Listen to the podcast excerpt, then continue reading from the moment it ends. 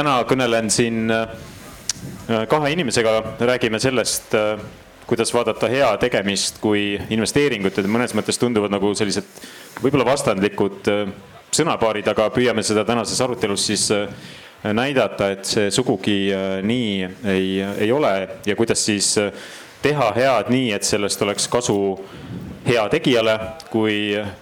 sellel poolel, kellele heategija siis annab mingit hoogu, ressurssi, raha, mis iganes need vahendid võiksid siis äh,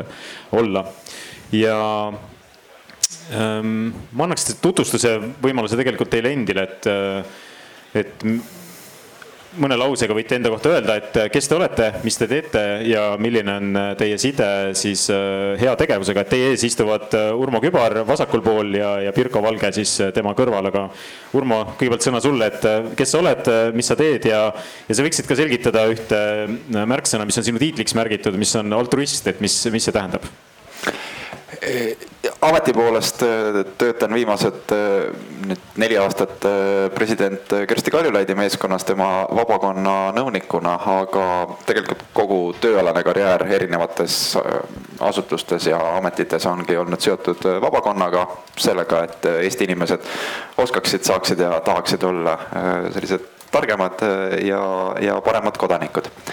ning altruist ma isegi nagu rohkem huvitab mind selle altruismi juures äh, tegelikult veel üks äh, sõna sinna ette panduna, et efektiivne altruism äh, on üks suund siis heategevuses, mille puhul, et kui altruism tähendab teistele hea tegemist, siis efektiivse pool sinna ette toob nagu juurde, et, et mitte ainult sellised head kavatsused ei ole piisavad, vaid, vaid ka see, kuidas neid ellu viiakse ja et selles on võimalik väga erinevalt siis õnnestuda või mitte. täpselt nii, nagu ma arvan, investeerimiseski. kuidas sa oled jõudnud selle temaatika juurde, et see on sinu jaoks tähtis, et miks sa teed seda? konkreetselt heategevuse eh, juurde jõudsin selle läbi, et eh, töötades siis Vabaühenduste Liidus eh, keskendusime üsna palju riigipoolsele koostöösuhtele selliste kodanikualgatustega ja, ja see on samuti väga oluline ja väga loogiline selles organisatsioonis sellele keskenduda. aga siis nägin ka seda, et kui suur potentsiaal on tegelikult Eesti ühiskonnas just siis sellisel eratoetuse kasvul ja mitte ainult selleks, et ressursse juurde tuua vajalikele kodanikele, kodanikualgatustele, aga tegelikult ma arvan, et ka sellises ühiskonna mõtteviisis ja hoiakute kujundamises, et ühiskond, kus inimestel on sellised aktiivsed, head tegevad hoiakud on ilmselgelt sellisem edukam, need on inimesed, kes, kes eh, kuidagi ei taju, et nad on noh, niisugused kasutud väikesed mutrikesed ühiskonnas, vaid nemad ongi need, kes aktiivselt suudavad probleeme lahendada ühel või teisel moel, kas ise käsi külge pannes või toetades neid, kes tegutsevad. ja ma arvan, et see on väga oluline, et niisugune hoiak ühiskonnas äh, oleks võimalikult lai, sellest otseselt sõltub, kui ägedas kohas me elame. Pirko, kes sa oled ja kust sa tuled? Ja ma juhin täna Heateo Sihtasutust, mis äh, haldab või jooksutab või, äh, või juhib siis äh, inkubaatorit, kuhu tulevad inimesed, kellel on idee, mis võiks ühiskonda paremaks muuta. ja selle inkubaatori kõrval on siis meil kaks äh, fondi, mis osaliselt siis me nimetame seda filantroppiaks, osa, esimene investeering on meil ka juba tehtud, mis on nagu päriselt nii-öelda siis in, investeering, aga filantroppias äh, viljeleme sellist mudelit nagu äh, venture philanthropy, mis võtab siis kokku venture capital'i ja filantroopia põhimõtted, et eesti keeles võiks seda nimetada siis riskifilantroppiaks. et me otsime mõjusaid algatusi, mis loovad suurt muutust ja toetame nende arengut, et nad kasvaks äh, kiirelt äh, või siis noh, lihtsalt suureks. mis esimene investeering on? See on, äh, ühesõnaga, me oleme toetanud Mõjufondist, äh, mis on selline meie esimene ja väiksem selline poole miljoni eurone fond. et sealt oleme toetanud juba kuut erinevat algatust, aga siis teine fond, Heateo haridusfond, mille me käivitasime Transferwise'i, Boldi, Taavet Hindrikuse ja Martin Villikuga, et see on juba selline miljoni eurone fond ja sealt on siis meil üks investeering tehtud, äh, mitu sellist nii-öelda mõjusasse projekti on pandud filantroopilist kapitali, aga siis üks konkreetne investeering on algatusse Ninety Nine Math, mis teeb matemaatika õppimist huvitavamaks, kaasab rohkem õpilasi läbi mängulisuse ja tegelikult teeb ka õpetajate tööd lihtsamaks matemaatika õppimisel ja, ja, ja õpetamisel. mis on sind pannud hea tegemisega tegelema, miks sa teed seda, mis sa teed? Ja Heategu ise on tegelikult juba seitseteist aastat vana, nii et väga-väga vana organisatsioon. ma ise olen Heatöö juures olnud äh, kuusteist, kuusteist aastat, esimesed äh, kümme aastat olin ma, mu enda karjäär oli erasektoris, et ma töötasin ärikonsultantina KPMG-s, äh, töötasin Hansapangas, enne kui tast sai Swedbank. Ja, ja tegin selliseid nii-öelda äriprojekte ja mulle lihtsalt tundus KPMG-s olles ühel hetkel, et, et meil selline rahutu hing, et, et see on nagu äge, et me siin nõustame juba kümnenda ettevõtte strateegiat, mul endal oli see ammu selge, et kuidas see käib, mis siin nagu juhtuma peaks. ja ma tegelikult mõtlesin, et, et järsku on keegi kusagil, kellel on seda teadmist ja tarkust äh, nagu vaja ja selle teadmise tarkusega muutuks ka midagi maailmas paremaks ja siis ma leidsingi Heateo Sihtasutuse ja läksin Heateo juurde nõustajana, nii et äh, andsin oma professionaalseid teadmisi edasi. Teeme siin ühe küsitluse ja, ja teises telgis, äh, kes vaatavad seda arutelu, võivad siis ka tegelikult äh, käega märku anda, kes kes on teinud head, ehk siis tegeleb heade tegevusega, et tõstke käsi püsti. ükskõik, kuidas sa enda jaoks seda tõlgendad. kes teeb seda püsivalt äh, või regulaarselt mingil moel? okei okay. Äh, ühesõnaga on ka potentsiaali, nagu, nagu me näeme. aga võib-olla siis arutelu juurde minnes äh, ma juhataks seda sisse ühe tsitaadiga, mis äh, mulle selle teema peale meenus kohe, et mõned aastad tagasi Helsingis äh, toimus Nordic Business Forum ja seal esines Arnold Schwarzenegger, kes enne, kui ta sai kuulsaks filminäitleja ja kulturistina, oli tegelikult edukas ettevõtja ja võiks öelda, et ka investor. ja tema üks mõte, mis äh, ta seal lavalt välja ütles, et, äh, et mitte keegi ei hakka sind mäletama selle järgi, kui palju sa endale varandust äh, kokku ajasid, vaid selle järgi, mida sa jätad maha ja lood teistele ehk siis sellest inspireeritud küsimus ongi, oleme täna siin investeerimisfestivalil ja, ja miks investoril üldse võiks see mõte pähe tulla, et ma küll kasvatan oma jõukust, olen teel finantsvabaduse poole või soovitan seda saada või soovin seda saada. aga ikkagi, et äh, mis teie soovitus oleks talle, et miks tasuks mõelda selle peale, et, et jagada seda, mida sul on, ka teistega? Urmo see ilmselt jah, on pädev, et, et, et sellised maailmakuulsamad filantroobid on, on nagu üsna, üsna tuntud nimed, aga et võib-olla sellised kuulsad investeerimispankurid äh, nii väga äh, levinud nimedena ei, ei olegi, aga ma ei ole kindel, et kas see, et oma nime põlistamine ilmtingimata on, äh, peab olema kuidagi eesmärk.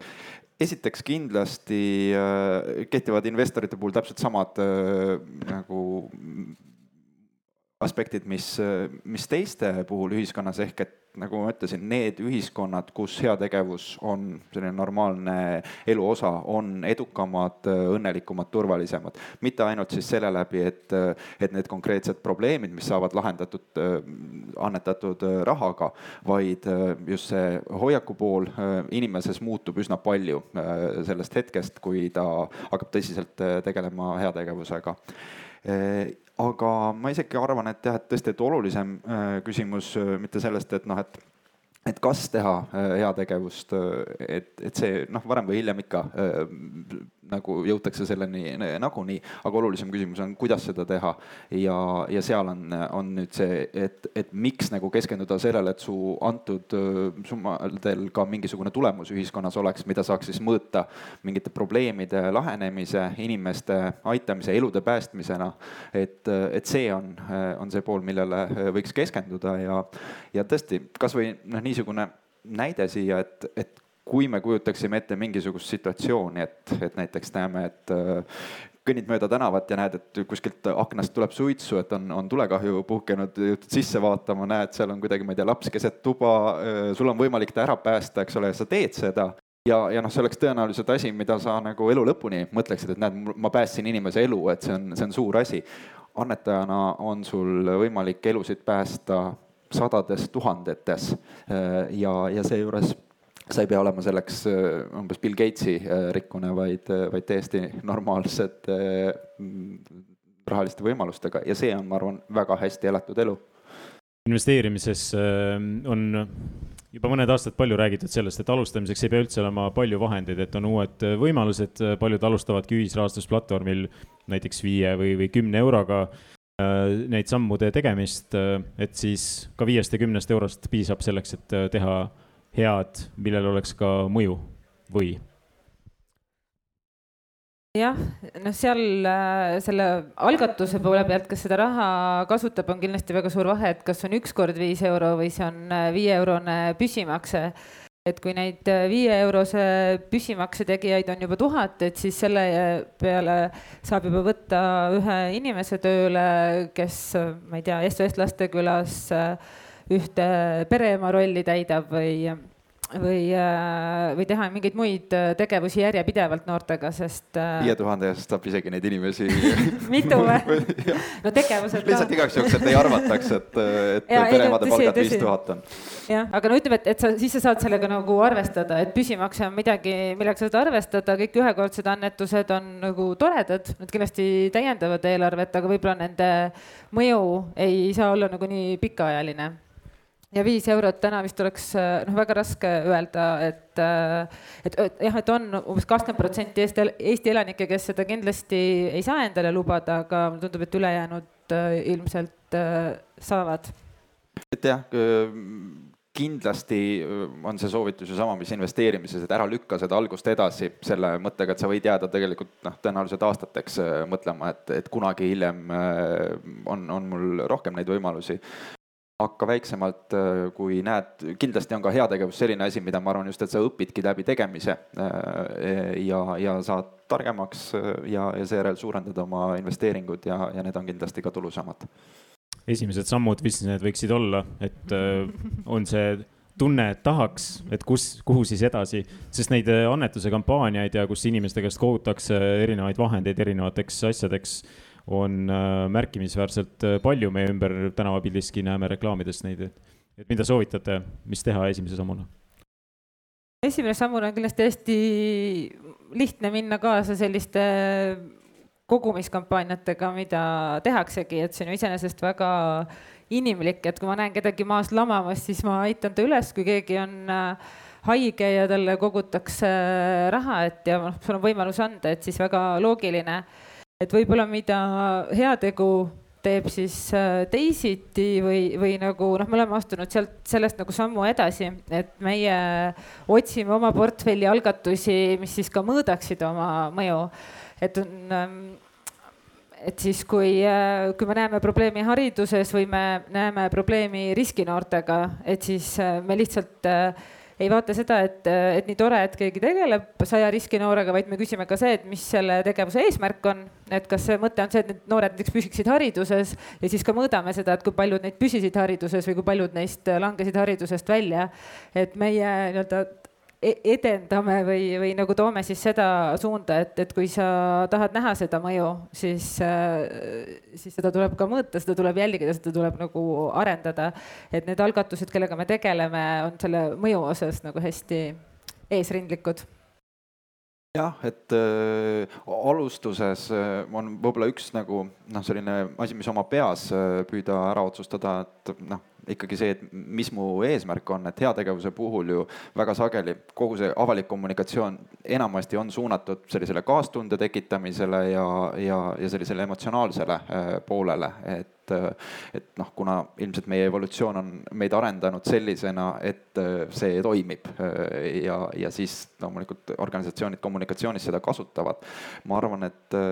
et nii nagu nii mõnigi teine asi evolutsiooniliselt on kunagi olnud kasulik, aga ei pruugi seda olla nagu kahe kahekümne esimesel sajandil, kui meil tegelikult on võimalik töötada suure hulga andmetega ja teha selle pealt oluliselt paremaid otsuseid, et äh, siis äh, ma soovitaksin ka see, see küsimus endale umbes just esitada niimoodi, et noh, et miks ma seda teen. tõenäoliselt see vastus on umbes seal, et noh, ma tahaksin olla kasulik, ma tahaksin aidata kaasa mingite probleemide lahendamisele ja sealt edasi siis, siis ongi loogiline ju, et järelikult kui mul on sama summa eest võimalik aidata rohkemaid inimesi, aidata kaasa suuremate probleemide lahendamisel, siis on see igal juhul äh, nagu efektiivne ja peaks olema eelistatud äh, tegevus. ehk et, et püüda endas natukene välja lülitada seda, et otsustamist emotsioonide äh, ajendil ja lihtsalt nagu kaastundest ja, ja rohkem siis seda küsida, et aga et kus kohas on need kohad, kus, kuhu investeerides saan ma kas siis tõesti päästa kõige rohkem elusid või parandada äh, inimeste elukvaliteeti kõige suuremal määral kõige äh, pikemaks ajaks. Ma annaks selle äh, mikrofoni korraks publikusse, sest ma näen, et Marko seisab, Marko Oolo, kas, kas seal on ka ühte mikrofoni, mida saab talle anda, ma tahaks küsida. okei okay,, ma annan sellesama mikrofoni. ei, siin olemas. okay et see haagib tegelikult sellega, mida, mida Urmo ütles mõnes mõttes, et, et küsida endalt seda küsimust ja, ja kuna Marko tegeleb äh, heategevusfondiga nimega Igavene heategu, et siis äh, sa võiksidki vastata sellele küsimusele, et, et miks sa teed seda, mida sa teed, et aastaid juba ja, ja kuidas sa jõudsid selle ideeni, et üldse peaks äh, panustama sellisel moel, nagu sa panustad? Äh, kõigepealt tänan väga heade mõtete eest, et hästi palju on ära tunda, kui ise ka nagu nokitsesid samade asjade kallal. ja teiseks, mis ma enne öelda tahtsin, kui ma vastan, on see, et, et teine lava, mis on telekaga, on täis, nii et, et teema on huvitav. äh, äh, aga miks ma teen, et eks ta alguses, kui heategevusega tegelema hakkad ise nagu mingit organisatsiooni tegema hakkad, siis see on nagu massohism, massohism natukene, et nagu annad kogu aeg ära ja ära et ega sa midagi sealt otseselt vastu ei saa. võib tunduda, et, et, et ma teen noh, et äris sa ju teed sellepärast, et midagi nagu kohe rahaliselt vastu saada, et seal sa nagu kohe ei näe seda, aga see, mis sa vastu saad, ongi nagu teistes väärtustes, et see ei ole nagu rahaliselt mõõdetav või võib ka olla, kui hästi mõõta, aga, aga see eh, noh, inimeste tagasiside, mis sealt tuleb ja see, mis see pikaajaline äh, väärtus sellel on, sellel hea, heateol, et näiteks meie üks äh, peamine suund on ettevõt-, noorte ettevõtlikkus ja noorte rahatarkus, noh, et investeerimisfestival ja kõik see asi on nagu sealt kasvanud. ja, ja, ja ma olen ise näinud, kuidas minu elu on muutunud selle seitsme-kaheksa aastaga, kui ma investeerimisega tegelen, kui palju on tuttavate elu ja just mitte niivõrd rahanumber, vaid see sõltumatus, mis tekib ja see mõttemuster, et ikkagi heategevust saab ka siis teha, kui sul on enda põhivajadused nagu täidetud endal, siis sa hakkad nagu, hakkab üle jääma. et siis äh, ma näen, et, et see kasvatab nagu veel teist generatsiooni ja sealt hakkab seda veel üle jääma ja et, et äh, et, et sellistesse asjadesse tuleb ka panustada ja üks mõte oli see mõju veel, et, et oma aega saab panustada ja oma raha saab panustada. et siis, et mingi hetk sa hakkad väga oluliselt mõtlema, et kus ma oma aega siis panustan, mille peale, et mis see tulemus on ja, ja ma arvan, et just sellised pikaajalised väärtused, mis kasvavad inimeste aitamisest ja just proaktiivselt aitamisest ja nagu need on need, mille peale hakkab aina rohkem minu pea nagu mõtlema mida aeg edasi läheb, mida noorem oled, seda rohkem võib-olla tahad endale, aga siis mida vanemaks saad, seda rohkem teistele. mis sa hindad, mis sa oled saanud sellest, mis see on sulle andnud kõige rohkem, et kui ühe asja peaksid välja tooma, et siis kuidas seda kirjeldada? et jällegi, et noh, nüüd ma mõtlen, et mis teised on saanud, et siis meie näiteks nüüd Covidi hirmus, et kõik olid hirmus ja kõik proovisid nagu siis äh, oma eludega hakkama saada, siis mõtlesime, et, et, praegu on hea aeg ka teisi aidata, kui enda elu korras on ja siis me suurperedele äh, kinkisime kakssada sülearvutit, et nende lapsed saaksid e-õpet e, e-õppes osaleda ja, ja üldse e-õpet teha, et oli seitsmeliikmelisi peresid, kellel ei olnud ühtegi arvutit või oli üks arvuti. et siis mida saanud on, et vähemalt äh, kakssada pere on saanud äh, kolm kuud nagu head äh, haridust või, või, või osa võtta haridustegevusest, näiteks sellist asjad, et see teeb endalgi südamesoojaks aitäh, Marko, äh, nagu ennist kuulsite, siis Madis Müür käib siin ringi ühe äh, karbikesega, kuhu saab siis ka panustada ja see kogutu lähebki siis sellesse fondi, millest äh, Marko just rääkis, aga, aga võib-olla võiksimegi siis kõnelda sellest mõõtmisest, et mis teeb sellest heateost nagu investeeringu, et sellel on mingisugune tulem, et, et kuidas seda hinnata, et mida ma võiksin üldse oodata sealt, et rahaline tootlus see ju ei ole, aga, aga mis siis? Eks ta ma tegelikult ütle... mingil hetkel ju avaldub rahas äh, väga selgelt ka. ei, siin on kaks, kaks poolt, et, et on väga palju äh, impact investing fonde, mis tegelikult ootavad ka tootlust, et see on nagu reaalselt äh, toimiv mudel, et nagu ka me haridusfondist oleme teinud esimese investeeringu. ma täna veel ei, ei julgeks võtta raha, et teha nagu puhtalt äh, nii-öelda seda äh, mõjuinvesteeringute fondi, et me tagasihoidlikult nimetasime oma esimese fondi mõjufondiks ehk et see nii-öelda tootlus, mida me ootame, on see ühiskond ühiskondlik mõju ja seda on võimalik ja peab muut-, mõõtma. Aga iseenesest ka see täiesti puhtalt investeeringute peale minek äh, on võimalik, aga see ootab võib-olla natuke küpsemat turgu, rohkem selliseid äh, algatusi, mis, äh, mis mitte lihtsalt ei tooda oma tulud tasa, ei ole nende jätkusuutliku rahastusmudeliga, vaid tegelikult siis juba toodavad tagasi, aga noh, et see, ma arvan, et see kindlasti Eestis juhtub nagu järgmise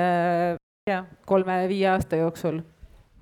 et ega sellist äh, jah, nagu ühtset äh, mõõdikut, mis, millega, mida kuidagi igal pool võrdselt aktsepteeritakse,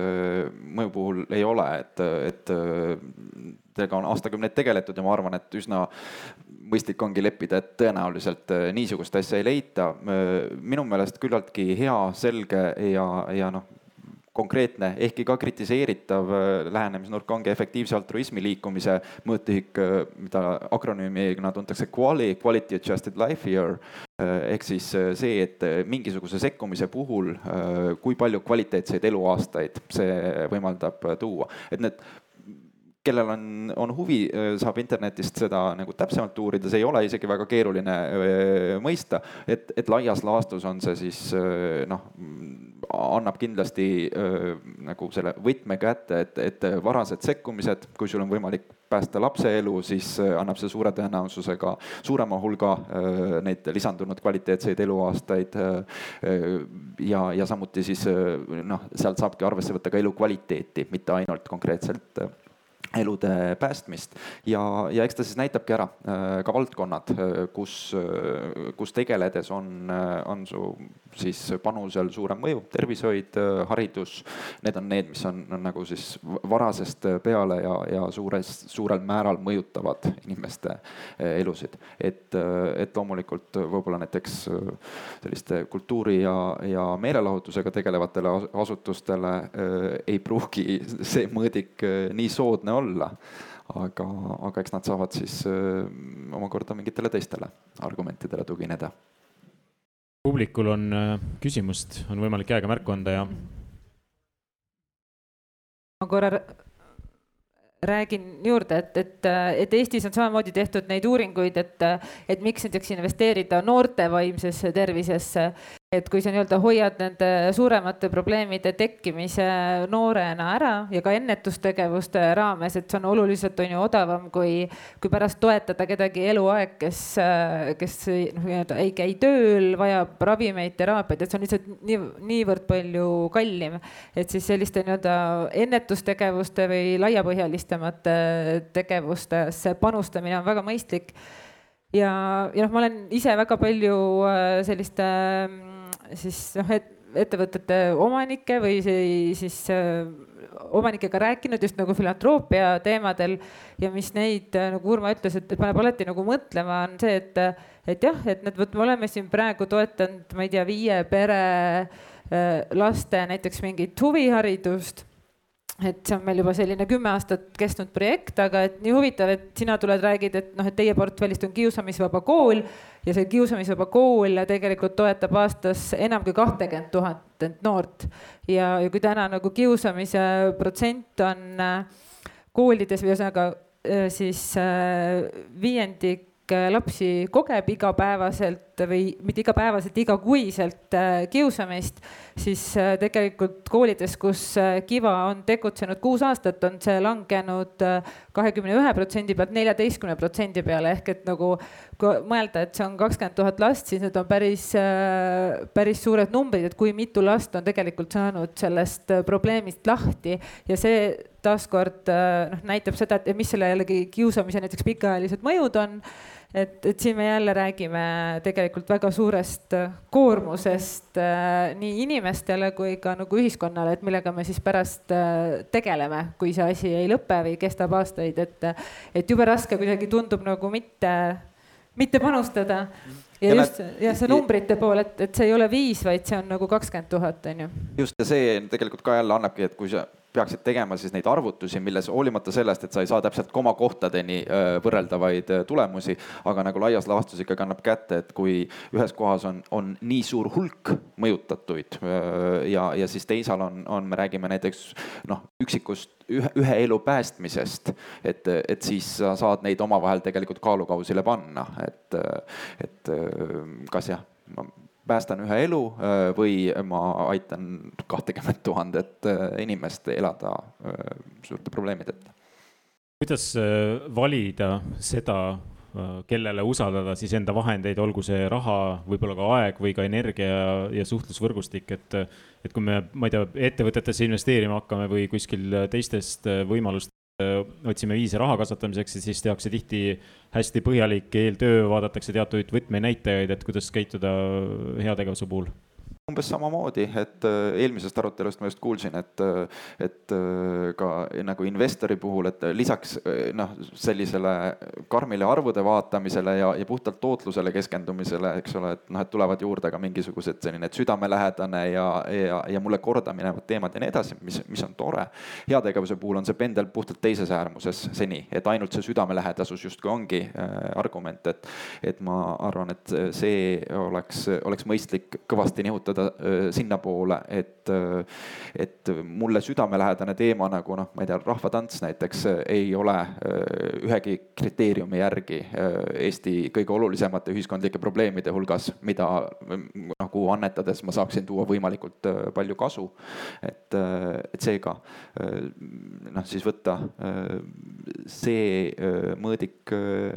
aluseks ja valdkond, nagu ütlesin, annab suure osa asjast kätte seejärel sekkumisviis, äh, äh, kuidas selles valdkonnas see organisatsioon probleemi lahendab. Ja tõenäoliselt alles kolmandas kohas tuleb tegelikult selle organisatsiooni enda äh, siseasjad kus ma kõige rohkem soovitaksin ka vaadata juhtimist, et äh, kui seal on äh, võimekas äh, juht ja, ja selle, seda näitab paljuski ka läbipaistvus selle organisatsiooni, kas andmed tema kohta on saadaval, kas nad üleüldse oma mõju mõõdavad, nagu Pirko rääkis. et siis, kui nad seda teevad, siis see on suure tõenäosusega juba küllaltki kindel koht, kuhu investeerida Eestis on neid organisatsioone, kes mõju mõõdavad ülivähe, nii et ühesõnaga minu esimene pett oleks panna neile, kes üldse mõõdavad, sest äh, kui me ei mõõda, siis noh, ma ei tea, mida, mida nagu riik teeb, on ju, et ta ütleb, et äh, ma ei tea, sada inimest sai teenust aga noh, see ei ütle mitte midagi ja ilmselt sai väga odavat teenust et tegelikult äh, kui sada inimest sai teenust ja üks sai abi, siis me üheksakümmend ühte, üheksakümmend üheksat lollitasime, onju. et kulutasime nende aega, aga mingit pointi sellel tegevusel ei olnud. et tegelikult äh, võib-olla oleks parem, kui äh, oleks viis korda kallim teenus, ainult kakskümmend inimest osaleksid, aga kümme saaks nagu abi. et, et kui me ei mõõda, siis me tegelikult ei hakkagi seda diskussiooni pidama ja noh, täna on see olukord, kus võib-olla vähesed mõõdavad oma mõju, võib-olla mõni avastab, et ei olegi eriti mõju, aga see on oluliselt parem nagu koht, kus olla, sest siis sa saad nagu mõelda, et okei okay,, mida ma saan teha, et see mõju nagu tekiks. kui on lihtsalt sajad organisatsioonid, kes üldse ei mõõda, siis me lihtsalt Äh, noh, ühesõnaga, et siis me osutamegi seda teenust, aga tegelikult kui selle teenuse mõte oli see, et pikaajaline töötu läheb äh, tööle ja ta ikkagi ei läinud sinna tööle, on ju, noh siis see probleem ju kestab ja sa muudkui nagu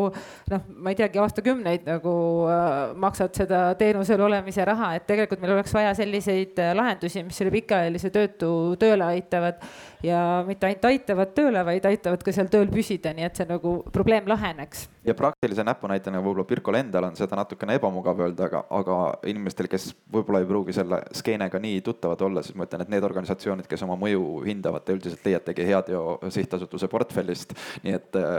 et kes Eesti organisatsioonidele soovib keskenduda, siis minu soovitus on vaadata Heateo portfelli organisatsioone maailma mastaabis, kus loomulikult sama summaga on võimalik tegelikult aidata oluliselt rohkemaid inimesi, siis GiveWell, niisugune organisatsioon oleks see, kuhu ma soovitaksin vaadata. et nende top soovitused organisatsioonidest, kuhu investeerides on võimalik siis ühe kulutatud euro kohta kõige rohkem elusid päästa. nüüd on variant selline, et kes esitab küsimuse, saab raamatu meil on aega täpselt üheks küsimuseks, siis Jumalaga võidu Bernsteinilt, ma näen siin, palun, aga enne kuulame küsimuse ka ära või lihtsalt võtad raamatu või?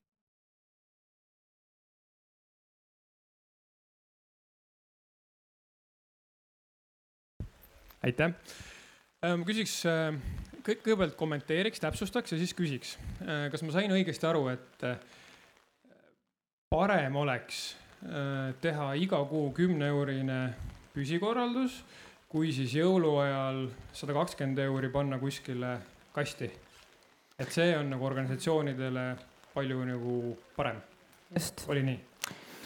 ja siis küsimus on selles, et palju siis äh, annetada nii, siis ühesõnaga siis oma, ütleme noh, et kuidas siis mõõta, et noh, nagu kas, kas sa ootad nagu protsenti oma, ma ei tea, kuu tulekust või, või kuidas sa mõtled seda? ootan vastust. Mhm. üks äh, lastele mõeldud rahatarkuse raamat anti välja, ma ei suuda öelda, mis ta nimi on, kus oli nii ägedalt, et oli, oli, oligi kolm äh, purki, et äh, kuluta, säästan, annetan ja see on nagu nii äge, et me lastele juba, juba seda õpetame et nüüd, kuidas see laps või täiskasvanu selle otsuse teeb, et, et kas ta jagab võrdselt või paneb ühte kümme ja ühte ühe, ühesõnaga äh, see on puhtalt, ma arvan, nagu hästi isiklik valik, et seda ei saa keegi kusagilt äh, määrata. no annetajana, et kui sa räägid sellisest, et umbes öö, kümme eurot kuus öö, tasemest, eks ole, et siis on selge, et, et noh, et sa üksinda, sa ei ole, eks ole, et Bill Gatesi fond võib lubada, et noh, et ta võtab ette nagu mingi maailma probleemi, mille lahendamisega ta tegeleb. et, et selliste väiksemate summade puhul on selge, et tulebki vaadata, et kas teised ka annetavad sinna, et noh, saja kahekümnest eurost aastas üksinda just väga suuri asju sellega ei tee, aga kui sa oled tõesti üks paljudest, siis on, on sul selle läbi võib-olla öö, suur mõju. et öö, ja, ja noh, loomulikult mõned küsimused on seal veel, eks ole, et mis öö, selles valdkonnas täpsemalt toimub, kui palju riik teeb, kui palju seal üldse näiteks Eesti kontekstis on vaja öö, eraorganisatsioonide panust öö, sinna ja, ja, ja, ja sedasorti asjad, et, et need on need täpsemad, aga et enda sellist heategevusstrateegiat paika panna, mina olen kasutanud mõnda aega seda et, et kümme protsenti oma sissetulekust panna kõrvale või siis annetada kohe heategevuseks ja, ja see on mulle tundunud täiesti nagu hea toimiva öö, strateegiana, mida siis ilmselt saab varsti ka kasvatada, et näiteks viieteist protsendi peale, et et otsustadagi ära, et see on see raha, mida me ei käsitle mitte kui enda isiklikku tarbimisraha ega ka mitte oma isiklikku investeerimisraha, vaid see on siis investeerimine ühiskondlikesse äh, algatustesse. Ja, ja see natukene ka kuidagi vabastab siis sellisest pidevast mõtlemisest, et kas ma nüüd seda ostuvalikut teen või ei tee, vaid lihtsalt siis toimetad nendes piirides, mis sulle alles jääb. Hea konkreetne vastus, kümme protsenti, aga aitäh, Urmo Kübar ja, ja Pirko Valge